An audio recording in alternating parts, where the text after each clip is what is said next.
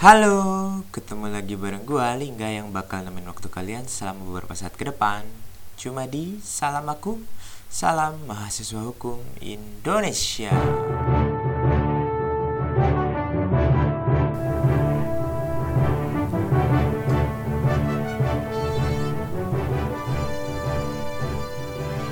Sobat Makum, Sobat Mamakum semua, podcast kali ini bakalan ngebahas mengenai latar belakang mengapa Indonesia disebut negeri archipelago. Mengingat e, wilayah kita yaitu yang didominasi oleh wilayah perairan. Penasaran nggak? Ikutin terus ya.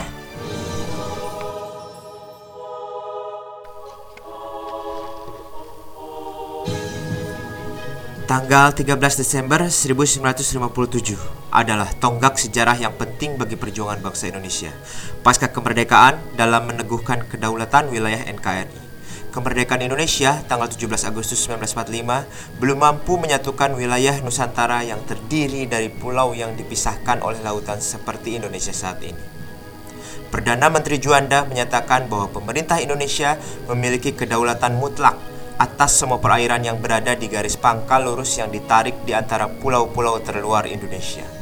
Garis-garis pangkal lurus ini meliputi semua pulau yang membentuk negara, membentuk Indonesia, tanahnya, dan lautan yang di atasnya. Pemerintah Indonesia menegaskan kedaulatan menjadi satu wilayah tunggal untuk pertama kalinya. Peristiwa ini yang dikenal dengan Deklarasi Juanda. Ini membuat kaget dan marah kekuatan maritim barat, terutama Belanda, karena acuan mereka adalah Territoriale Zin en Maritime Kringen Ordonanti 1939 atau Undang-Undang Laut buatan Belanda tahun 1939 atau disingkat Ordonanti 1939.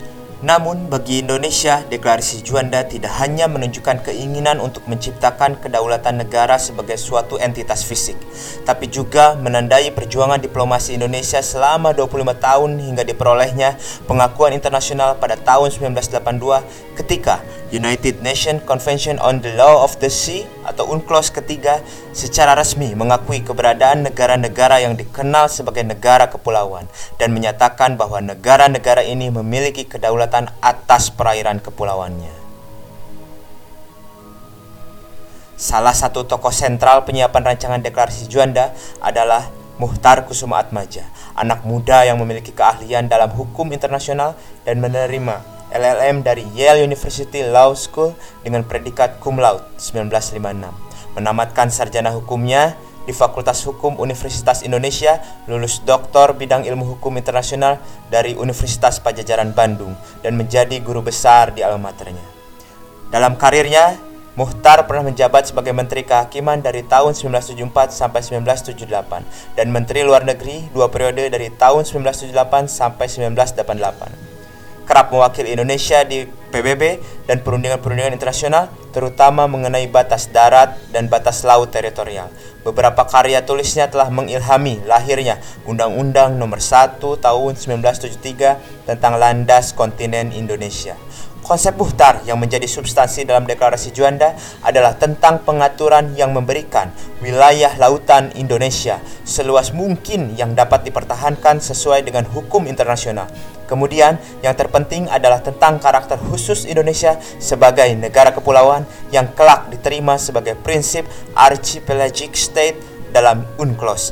Dalam dokumen UNCLOS disebutkan bahwa negara kepulauan adalah suatu negara yang seluruhnya terdiri dari satu atau lebih kepulauan dan dapat mencakup pulau-pulau lain. Sedangkan kepulauan adalah gugusan pulau-pulau termasuk bagian pulau perairan di antaranya, dan lain-lain wujud alamiah yang hubungannya satu sama lainnya demikian eratnya sebagai suatu kesatuan geografi, ekonomi, dan politik. Menurut Butcher dan Elson, 2017, dalam bukunya Sovereignty and the Sea, How Indonesia Became an Archipelagic State, Deklarasi Juanda mencerminkan kejelasan visi Muhtar tentang Indonesia.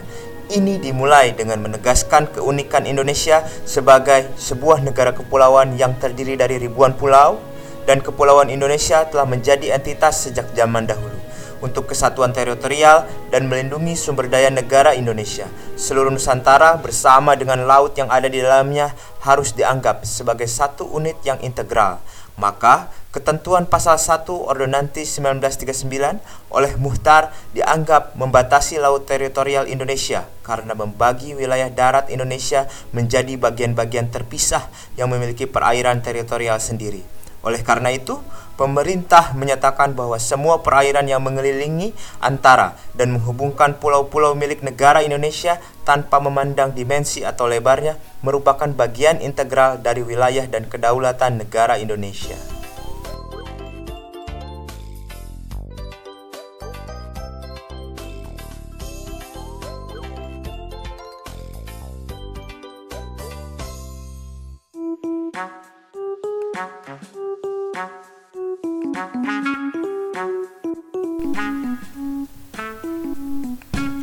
Sobat Makum, Sobat Mamakum semua, itu dia bahasan podcast kali ini yang mengupas mengenai latar belakang mengapa Indonesia disebut sebagai negara kepulauan.